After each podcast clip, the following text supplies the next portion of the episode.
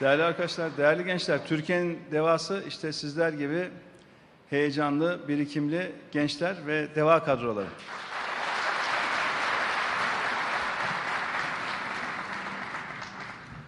Deva Partisi'nin değerli genel merkez, genel kurul üyeleri, Adıyaman İl Teşkilatımızın çok değerli başkanı, değerli ilçe başkanlarımız, teşkilat mensuplarımız, siyasi partilerin kıymetli temsilcileri, sevgili Adıyamanlı gönüldaşlarımız, Türkiye'nin farklı illerinden gelip bugün bizlerle beraber olan saygıdeğer konuklarımız, ulusal ve yerel basınımızın kıymetli temsilcileri, ekranları başında bizleri izleyen tüm vatandaşlarımız. Hepinizi en içten duygularımla selamlıyor. Adıyaman Teşkilatımızın birinci olağan il kongresine hoş geldiniz diyorum.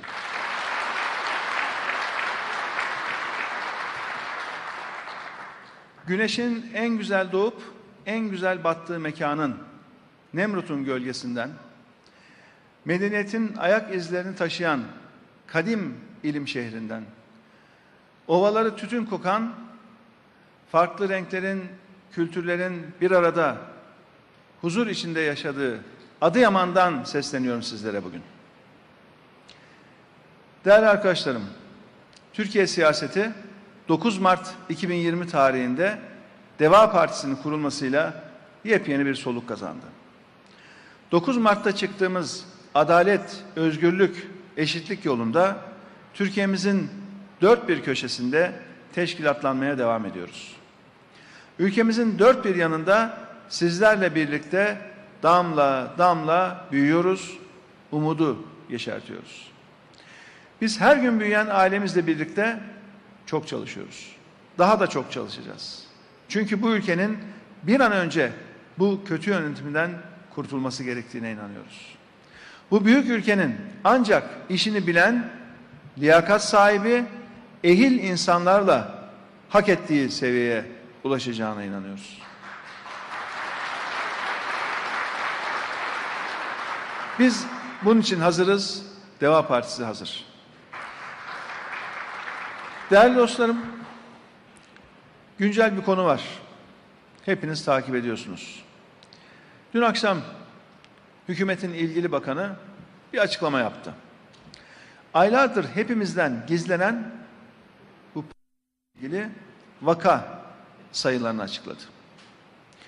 Son 24 saatteki vaka sayısının 28.351 olduğunu söyledi. Tabii bu sayıya inacaksak o ayrı bir mesele.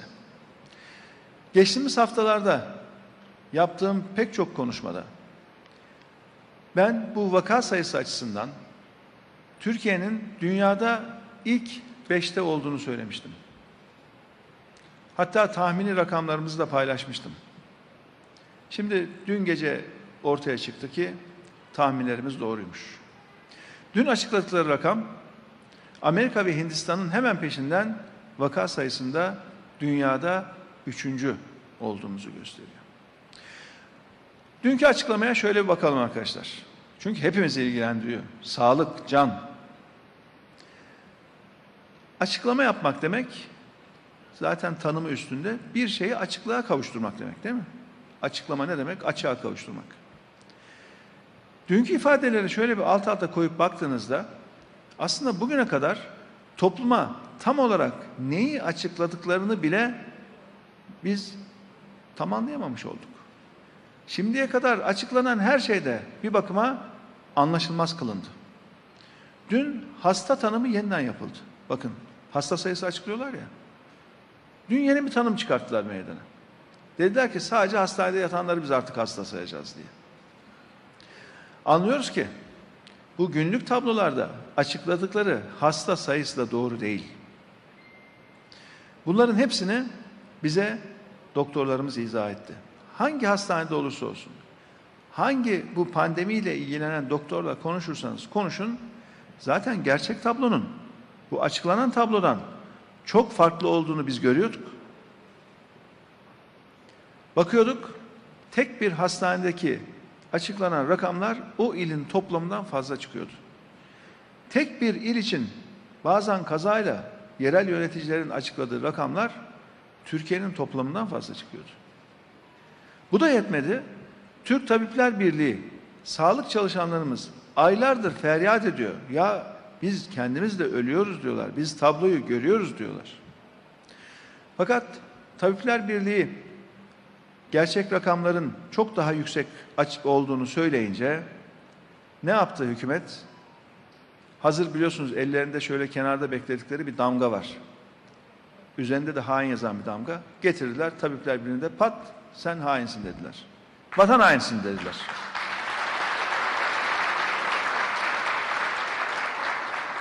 Alışkanlık haline geldi ha. En ufak eleştiri, en ufak yanlışa işaret etmek. Artık tahammülleri yok. Sanki her şeyi mükemmel yapıyorlarmış gibi.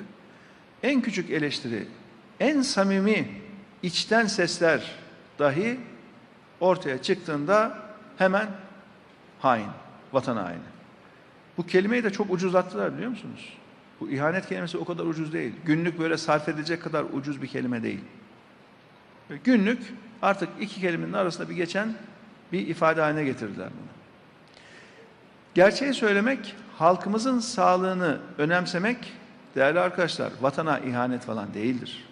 Biz doktorlarımızın, sağlık çalışanlarımızın yanındayız. Bir kez daha her birine müteşekkir olduğumuzu ben buradan ifade etmek istiyorum. Gerçekten büyük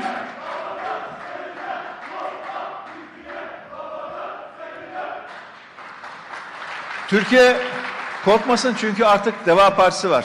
Korkmasın Türkiye, konuşsun Türkiye.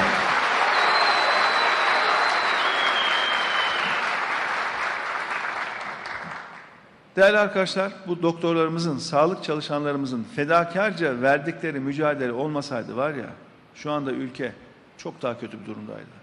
Her şeye rağmen, itibarlarının her gün ayaklar altına almalarına rağmen, her gün feryat etmelerine rağmen, ya bu problem çok büyük, öyle açıkladığınız gibi değil, biz yaşıyoruz, hastanedeyiz demelerine rağmen maalesef sürekli rencide edildiler. Ben buradan tekrar hükümete sesleniyorum. Artık yeter diyorum. Şeffaf olun. Halkımız ölüyor. İşin ucunda bu milletin hayatı var. Sırf propaganda yapmak için olup olmadık her şeye beka meselesi diyorsunuz. Gerçek beka arkadaşlar bu milletin canıdır, sağlığıdır.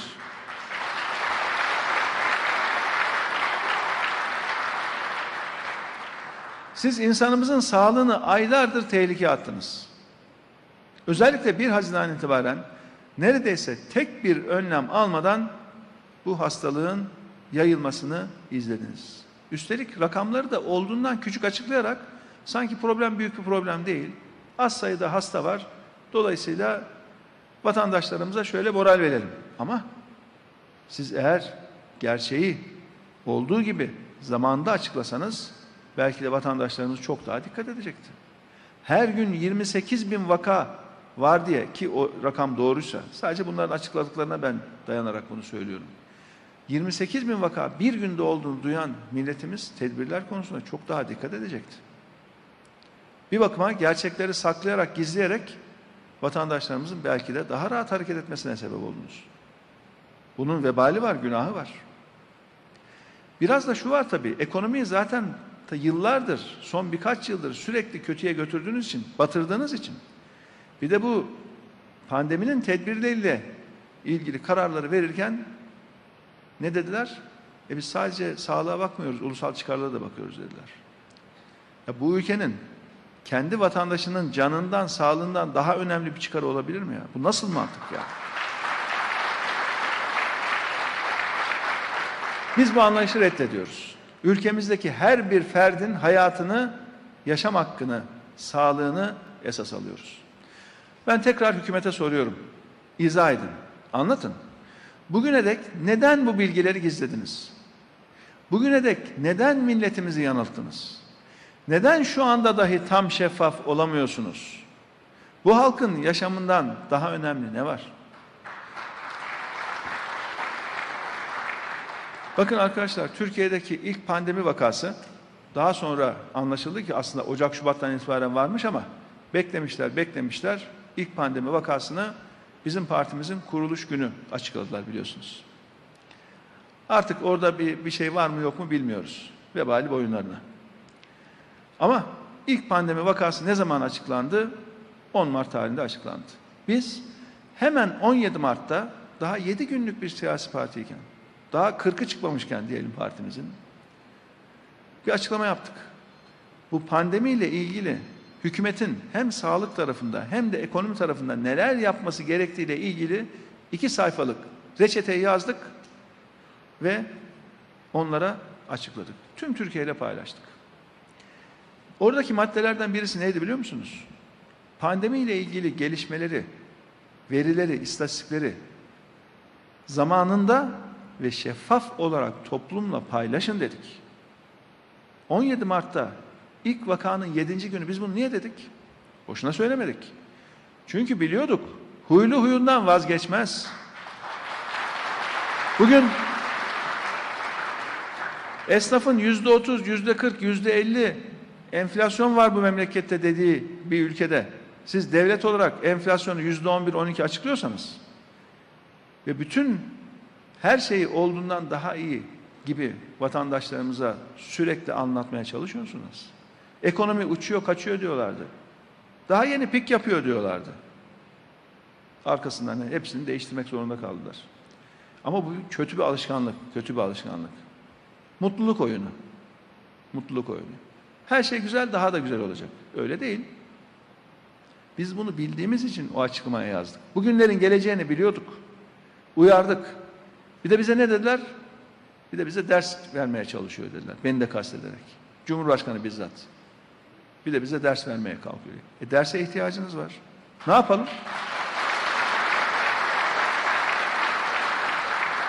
Ya bizden ders almıyorsanız hiç olmazsa şu olanlardan ders alın. Başınıza gelenlerden, bu memleketin başına getirdiklerinizden ders alın.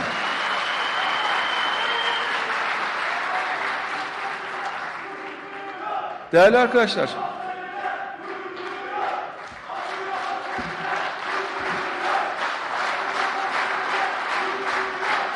biz biz Adıyaman'la bu güzel şehrimizde gurur duyuyoruz. Sağ olun arkadaşlar.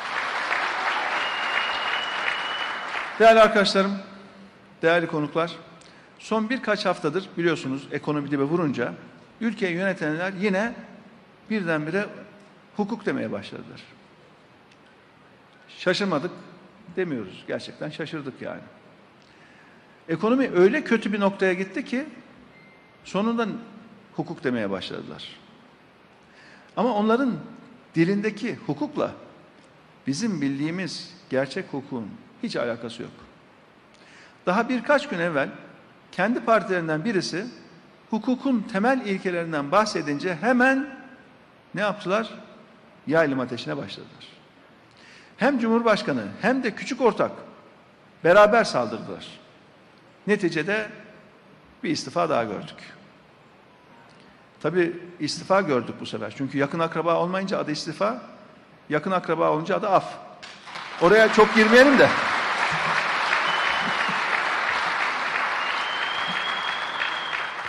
Şimdi devlet terminolojisi falan yeni akıllarına geliyor. Tabi devletle bu kadar akrabalık iç içe geçince ortada nihayetinde devlet kalmıyor. Neyse, orada, o kısmı uzatmayalım. Hukuk reformu diyorlardı. Bakın arkadaşlar, kendi partilerin içinde hukukun dillendirilmesine dahi tahammül edemiyorlar. Çünkü onların zihnindeki hukuk başka bir şey. Başka bir şey. Muhalifleri susturmayı öyle bir alışkanlık haline getirdiler ki konuşan kendilerinden de olsa hemen susturuyorlar. Hadi anladık. Muhalefetle yarışıyorsunuz. Bu yarışın adil bir yarış olmaması için zaten uğraşıyorsunuz. Devletin televizyonunu, hepimizin elektrik parasının altında faturayla ödediğimiz devletin televizyonunu, bütün bu salondakiler dahil 84 milyonun finanse ettiği devlet televizyonunu muhalefete kapatıyorsunuz. Elinizdeki iktidar olanaklarını kullanarak ses çıkanları bastırıyorsunuz. Ama demek ki bu da yetmiyor. Kendi partilerindeki az sayıda sağduyulu Zaten az sayıda kaldı ha, çok değil böyle. Çok az o türden. Onları bile artık susturmaya çalışıyorlar. Peki bunu ne zaman yaptılar arkadaşlar? Ne zaman? Dikkat edin. Şu kronolojiye bakın. Olayların şu son günlerdeki olay kronolojisi çıkarın. Saat saat yazın. Küçük ortak kendi parti arkadaşlarına hakaret dolu açıklamaları yaptıktan sonra yaptılar bunu. Çok düşündürücü. Yüzde onluk genel başkan şu anda artık devleti de büyük ortağı da yönetir hale geldi. Kendi yapıları içindeki düzenlemelere kadar ne olacağına yani iktidar büyük partinin içindeki düzenlemelere kadar ne olacağına artık küçük ortak karar veriyor. Ya bu millet size bunun için mi oy verdi? Gidin partinizin anahtarını küçük ortağa teslim edin diye mi oy verdi?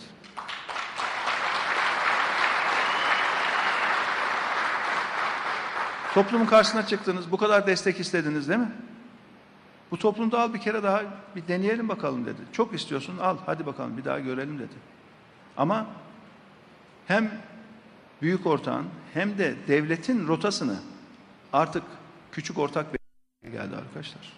Demokrasi bu değil. Milletin egemenliği, halkın egemenliği bu değil. Bakıyoruz küçük ortağa, büyük ortak üzerinden neredeyse artık bir vesayet oluşturmuş durumda. Büyük ortağın sorunlarının nasıl çözüleceğini de küçük ortak belirliyor. Büyük ortağın kurucularını, büyük ortağın gözü önünde fırçalıyor, toplum önünde fırçalıyor. Hem de ağza alınmayacak yakışıksız, seviyesiz ifadeler kullanıyor. Büyük ortak artık kendi mensuplarının itibarını bile savunamaz hale geldi. Bu kadar dümen suyuna girdiler. Türkiye siyaseti çok sayıda enteresan olaya şahit olmuştur ama bir siyasi partinin direksiyonuna bir başka partinin genel başkanının geçmesine herhalde ilk defa tanık oluyoruz. Olacak iş değil. Durum gerçekten vahim arkadaşlar. Büyük ortağın çalışma arkadaşlarının kim olup kim olmayacağına küçük ortak karar veriyor. Peki niye böyle oluyor? Çünkü partilerinde sadece tek bir kişinin fikrine bakılıyor. Çünkü getirdikleri bu partili cumhurbaşkanlığı sistemi artık ayaklarına dolanmaya başladı. Nereden nereye diyoruz ya? Bakın 20 yıl önce adalet için yola çıkanların ümidine bakın. O günkü psikolojiye bakın. Bir de şimdi tek kişinin sözüne mutlak itaat hallerine bakın. Yazık. Gerçekten çok yazık. Samimi değiller arkadaşlar. Bak, kaç kere söyledik. En ufak bir farklı fikre tahammülü olmayanların ifade özgürlüğünden bahsetmesi, hukuktan bahsetmesi, demokrasiden bahsetmesi mümkün değil. Bunun samimiyetine kimi inandırabileceklerini düşünüyorlar ki? İşte bakıyorsunuz birinin istifası. Bir başka yine sağduyulu ses çıktı. Onu da hemen disipline sevk ettiler. En ufak bir farklı fikre, üstelik hukuk gibi, adalet gibi konularda daha farklı bir fikre tahammül kalmadı. Bu ülkeye de artık bunlar ne hukuk ne de demokrasi vaat edemezler.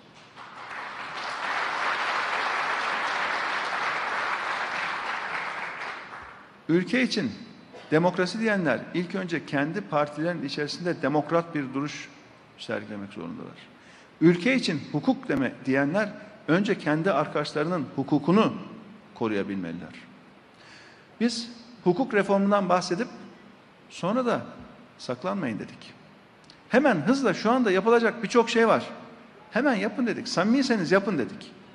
Ama onlar bu konulara karşı ne kadar tahammülsüz olduklarını, yanlışta ne kadar ısrarcı olduklarını şu son birkaç gün yaşanan olaylarda da açık seçik ortaya koydular.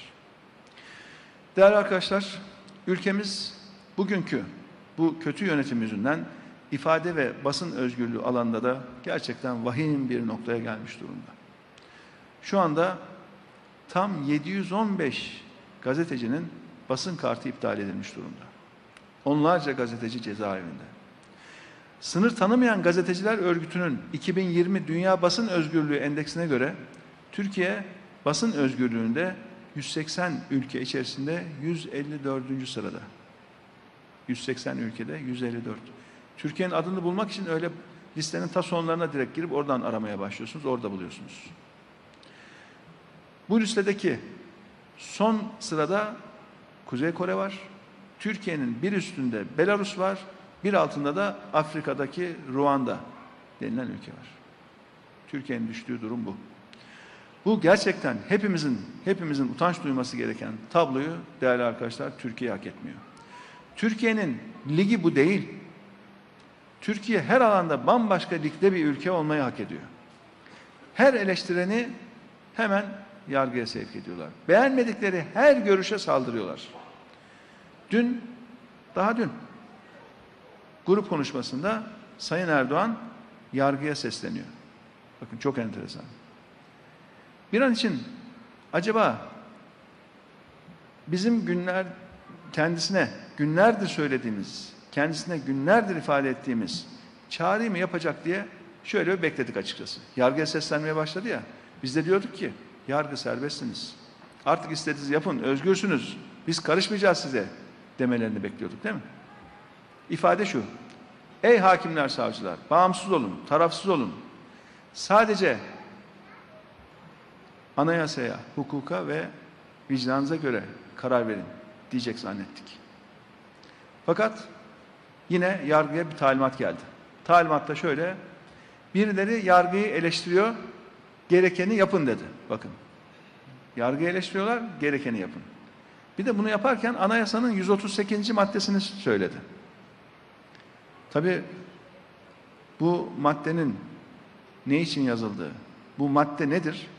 Aslında o konuşma metninden önce keşke o maddeyi gösterselerdi de o madde neyi ifade ediyor? Ondan sonra o konuşma yapılsaydı. İnanın maddenin içeriğinden de konuşma metnine yansıyan hiçbir şey yok. Biz şunu diyoruz bakın. Sesleniyoruz. Sayın Erdoğan, yargıyı eleştirmek anayasaya aykırı değildir.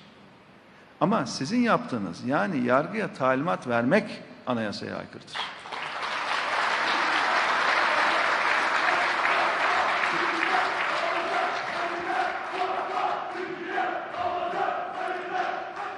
Değerli arkadaşlar, ister Anayasa Mahkemesi olsun, ister alt mahkemeler olsun, yargının verdiği bir kararı eleştirebilirsiniz. Ama ona uymak zorundasınız.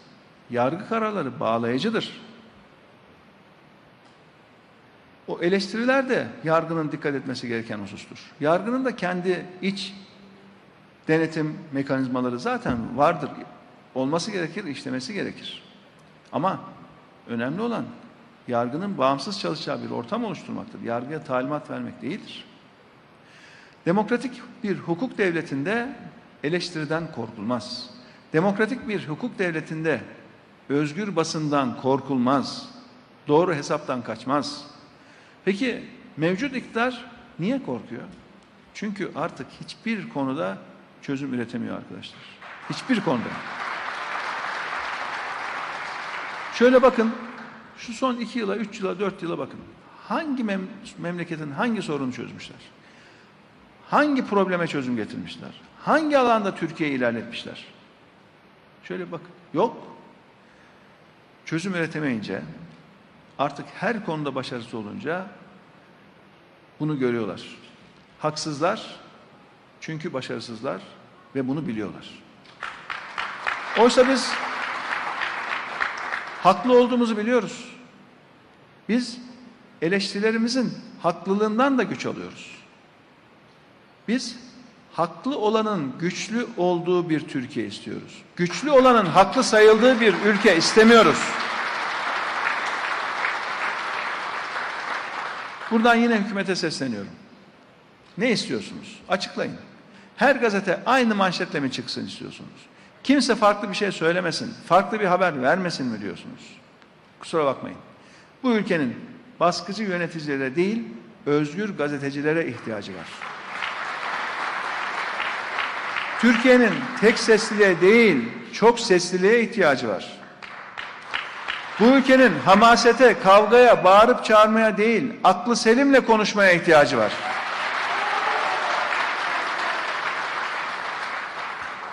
Değerli arkadaşlarım, değerli dostlarım, bugün yaşananların hiçbirisi kaderimiz değil. Emin olun, hak ve özgürlüklerle ilgili bu sorunları düzelttiğimiz zaman ekonomimiz de zaten düzelmeye başlayacak. Ekonomiyi düzeltmek inanın en kolay tarafı. Bakın yakın akraba bakan bir gün ortadan yok oldu. Koltuk boş kaldı. Dolar kuru yüzde on düştü. Düşünebiliyor musunuz? İnanın o kısmı kolay. Ama öncelikle siz özgürlük ortamını oluşturacaksınız. Adaleti tesis edeceksiniz. Hukukun üstünlüğünü kabul edeceksiniz. Demokrasiyi gerçek anlamda işleteceksiniz.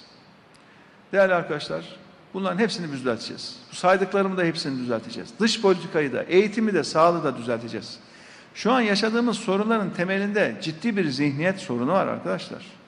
Hakkı, adaleti, dürüstlüğü, liyakatı ilke edinirseniz inanın her şey çok çabuk düzelir. Biz düzelteceğiz. Söz veriyoruz. Deva Partisi düzeltecek.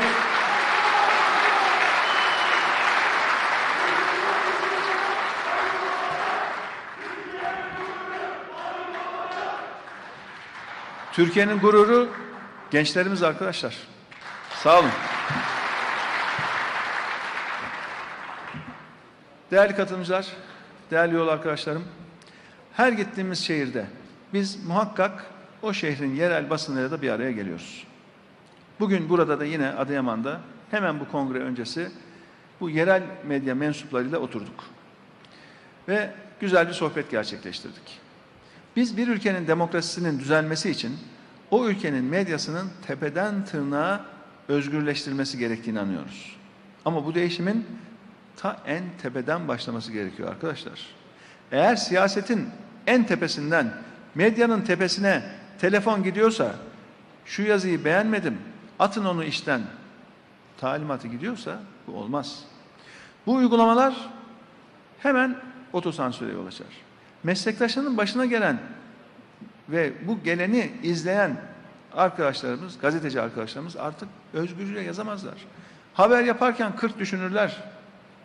Bu iklim insanların düşüncelerini özgürce ifade etmesini engeller. Bu da medyada tek sesliliğe getirir. Değerli arkadaşlar, yeni yapılan bir düzenlemeye göre biliyorsunuz, gazetecilerin yıpranma hakkından faydalanabilmeleri için basın iş kanunu kapsamında sigorta yaptırmaları ve İletişim Başkanlığı tarafından basın kartı almaları gerekiyor. Bu İletişim Başkanlığı dediğimiz biliyorsunuz, hani bir propaganda makinesi var ya, çıkıp yanlışları doğru gibi anlatan, verileri yanlış açıklayan, oradan bahsediyoruz. Oysa bakın Anayasa Mahkemesi 2019 sonunda karar aldı. Bu konu çünkü Anayasa Mahkemesi'ne gitti. Dedi ki yıpranma hakkı basın kartı olup olmamasına bağlı bir konu değildir. Yıpranma hakkı zaten gazetecilerin çok zor şartlarda yapılan bir meslek olduğunu bilerek gazetecilerin kar kış dinlemeden sabahtan gece yarılarına kadar haber peşinde koşmak zorunda olduklarını bilerek getirilmiş bir kavramdır yıpranma hakkı. Bu ağır ve yıpratıcı koşullar altında çalışan gazetecilerimizin mutlaka bu yıpranma hakkından yararlanmaları lazım. Ve fiili hizmet süresi zammından da faydalanabilmesi lazım. Bunun basın kartına bağlanması ne demek ya? Bu anayasal bir hak, kanuni bir hak, bir sosyal hak. Siz diyorsunuz ki ben basın kartı verirsem bu haktan yararlanırsın. Bak beni kızdırma ha. Kafam atarsa bu basın kartını senin elinden alırım ve senin emeklilik hakkından mağdur ederim. Böyle bir şey olabilir mi? Hukuk devletinde böyle bir şey olur mu? İşten kovdurma tehdidi yokmuş gibi bir de basın kartını elinden alıp emeklilik hakkını da elinden alırım diyor şu andaki hükümet. Anayasa Mahkemesi bu yanlış, hukuksuz dediği halde bundan bunda ısrarcı oluyorlar. Böyle bir şey olabilir mi? Biz değerli arkadaşlar tüm gazetecilerimizin sosyal haklarına mutlaka sahip çıkacağız.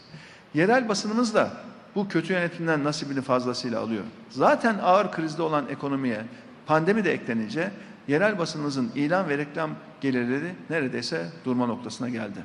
Tirajlar düştü. Firmalar reklam vermez oldu.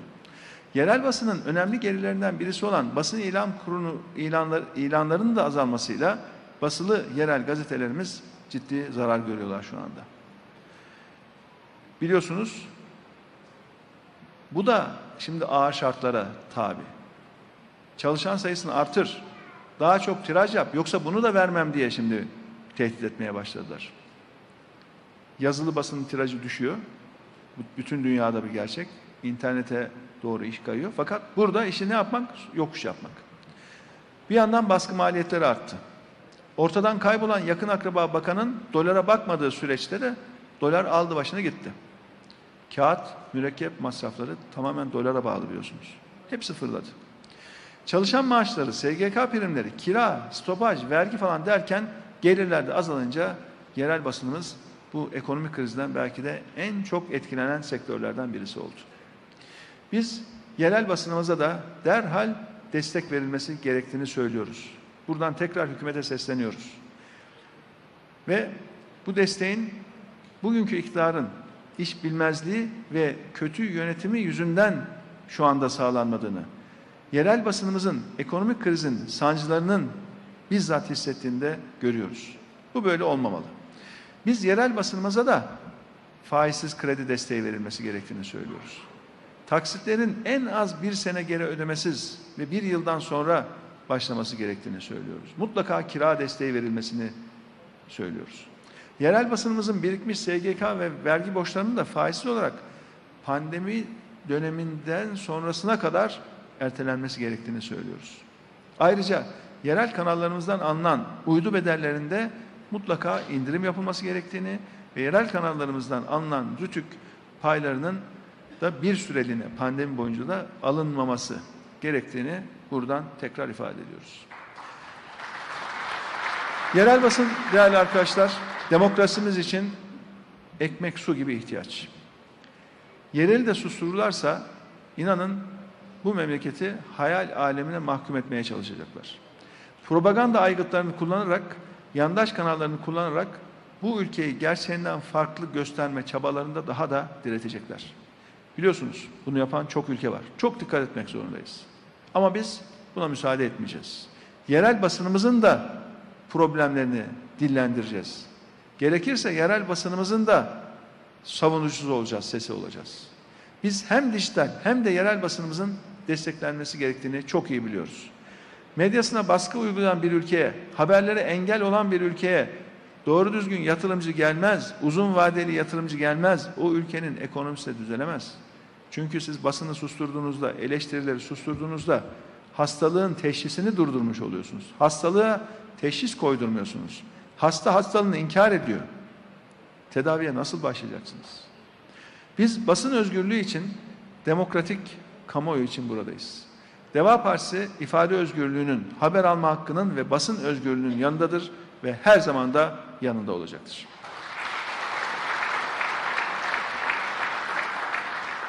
Değerli Adıyamanlı hemşehrilerim, Adıyaman'ın da tüm Türkiye gibi demokrasiye ihtiyacı var. Atılıma ihtiyacı var. Adıyaman'ın devaya ihtiyacı var arkadaşlar.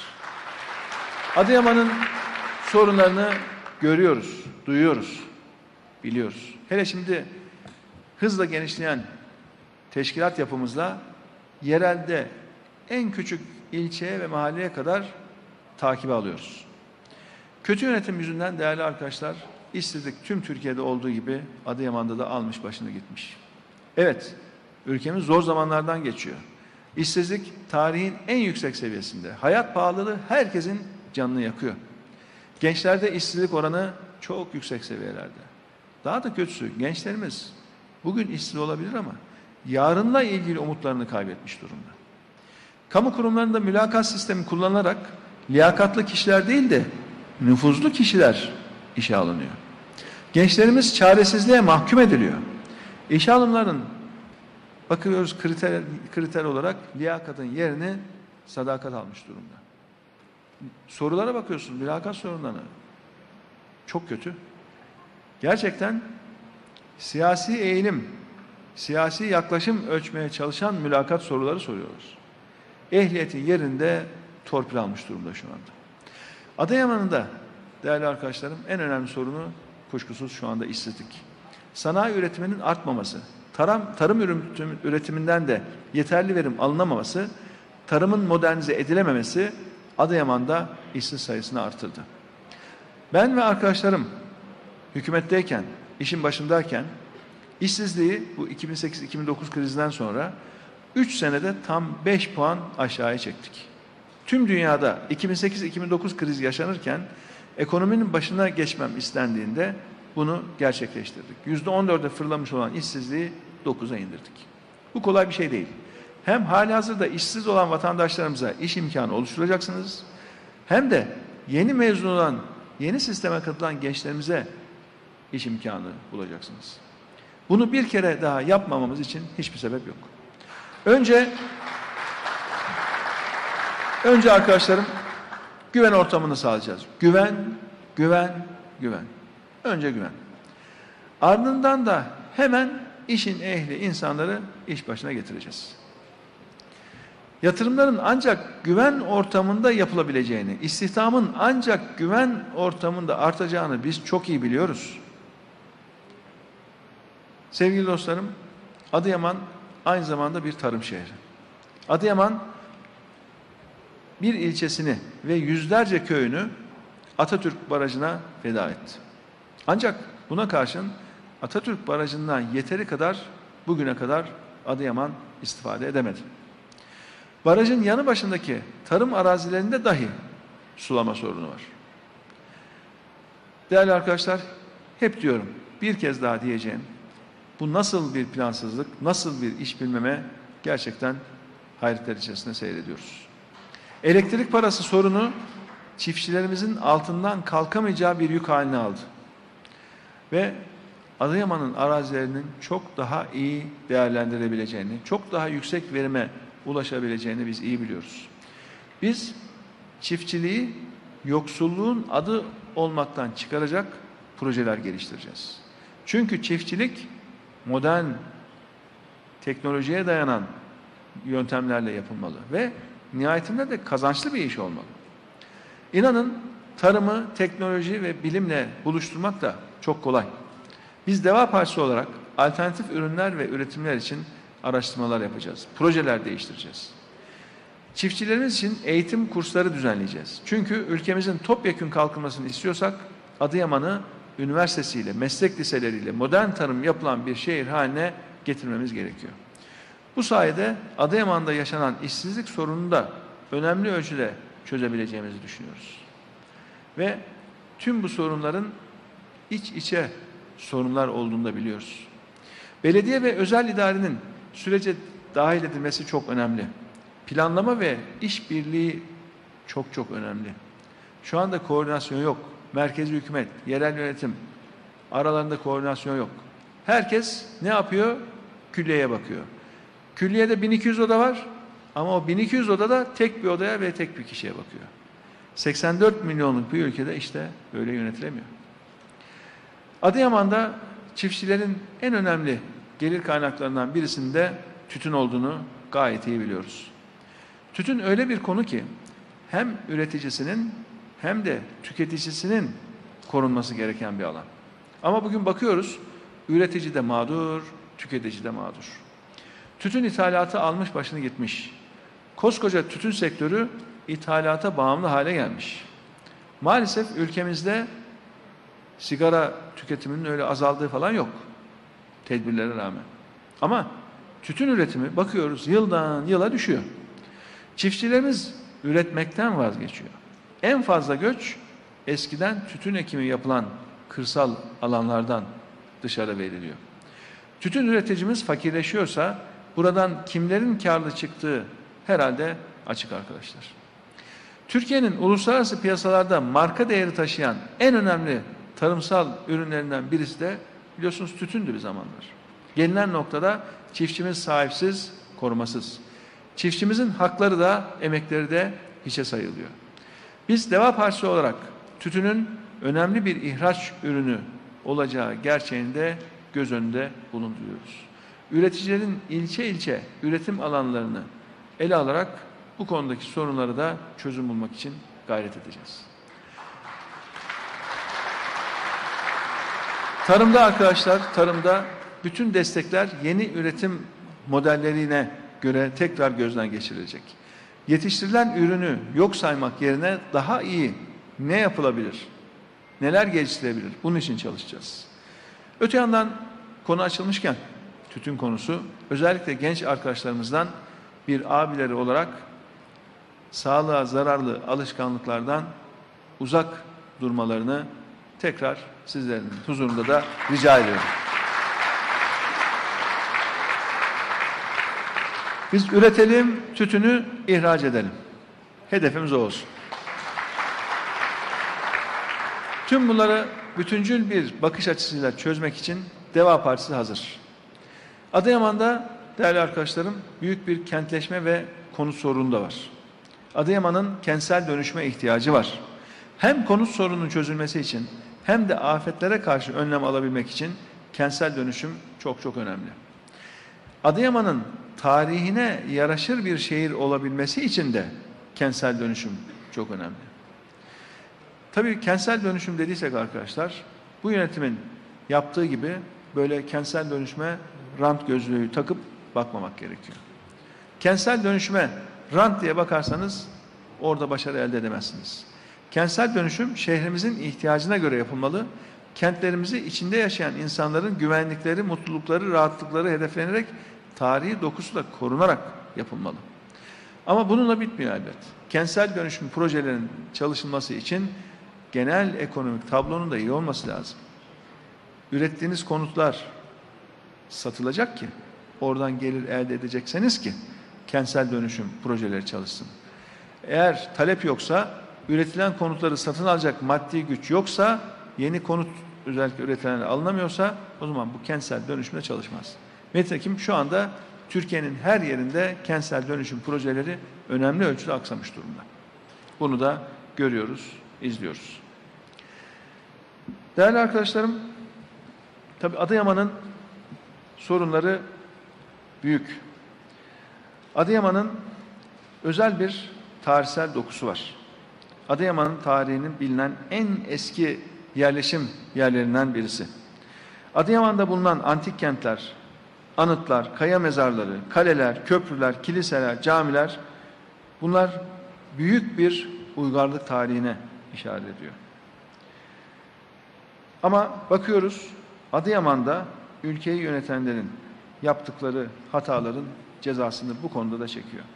Adıyaman tüm dünyadan gelen turistlerin Nemrut'ta gün doğumunu izlediği, antik kentlerini gezdiği, müzeleri ziyaret ettiği, yöresel yemekleri tattığı, gelenin tekrar tekrar gelmek istediği bir kültür turizmi kenti olmayı, bir inanç turizmi kenti olmayı, bir arkeoloji turizmi kenti olmayı hak ediyor.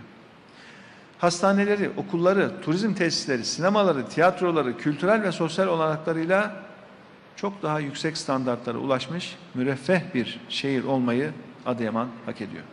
Biz Adıyaman'ın dertlerini biliyoruz, görüyoruz. Adıyaman'ın demokrasiye ihtiyacı var. Adıyaman'ın atılıma ihtiyacı var. Adıyaman'ın devaya ihtiyacı var. Adıyaman'a deva olmaya, Türkiye'ye deva olmaya hazırız. Ben şimdi sizlere sormak istiyorum. Deva Partisi hazır. Adıyaman hazır mı? Hazır. Adıyaman da hazır. Değerli arkadaşlarım, Deva Partisi kadınlarla, gençlerle, çiftçilerle, emeklilerle, öğretmenlerle, işçilerle, esnafla eşitlik için, adalet için, özgürlük için yola çıktı. Çözüm haritamız belli. Çözümün sözcüsü bizler olacağız. Ayrışmayacağız, ayrıştırmayacağız. Toplumu kutuplara ayırmayacağız. Hep beraber Türkiye'nin yaralarını saracağız. Biz Türkiye'nin haysiyetli insanlar için buradayız. Artık Türkiye'nin devası var, Adıyaman'ın devası var ve biz hazırız. Hepinize çok çok teşekkür ediyorum. Sağ olun.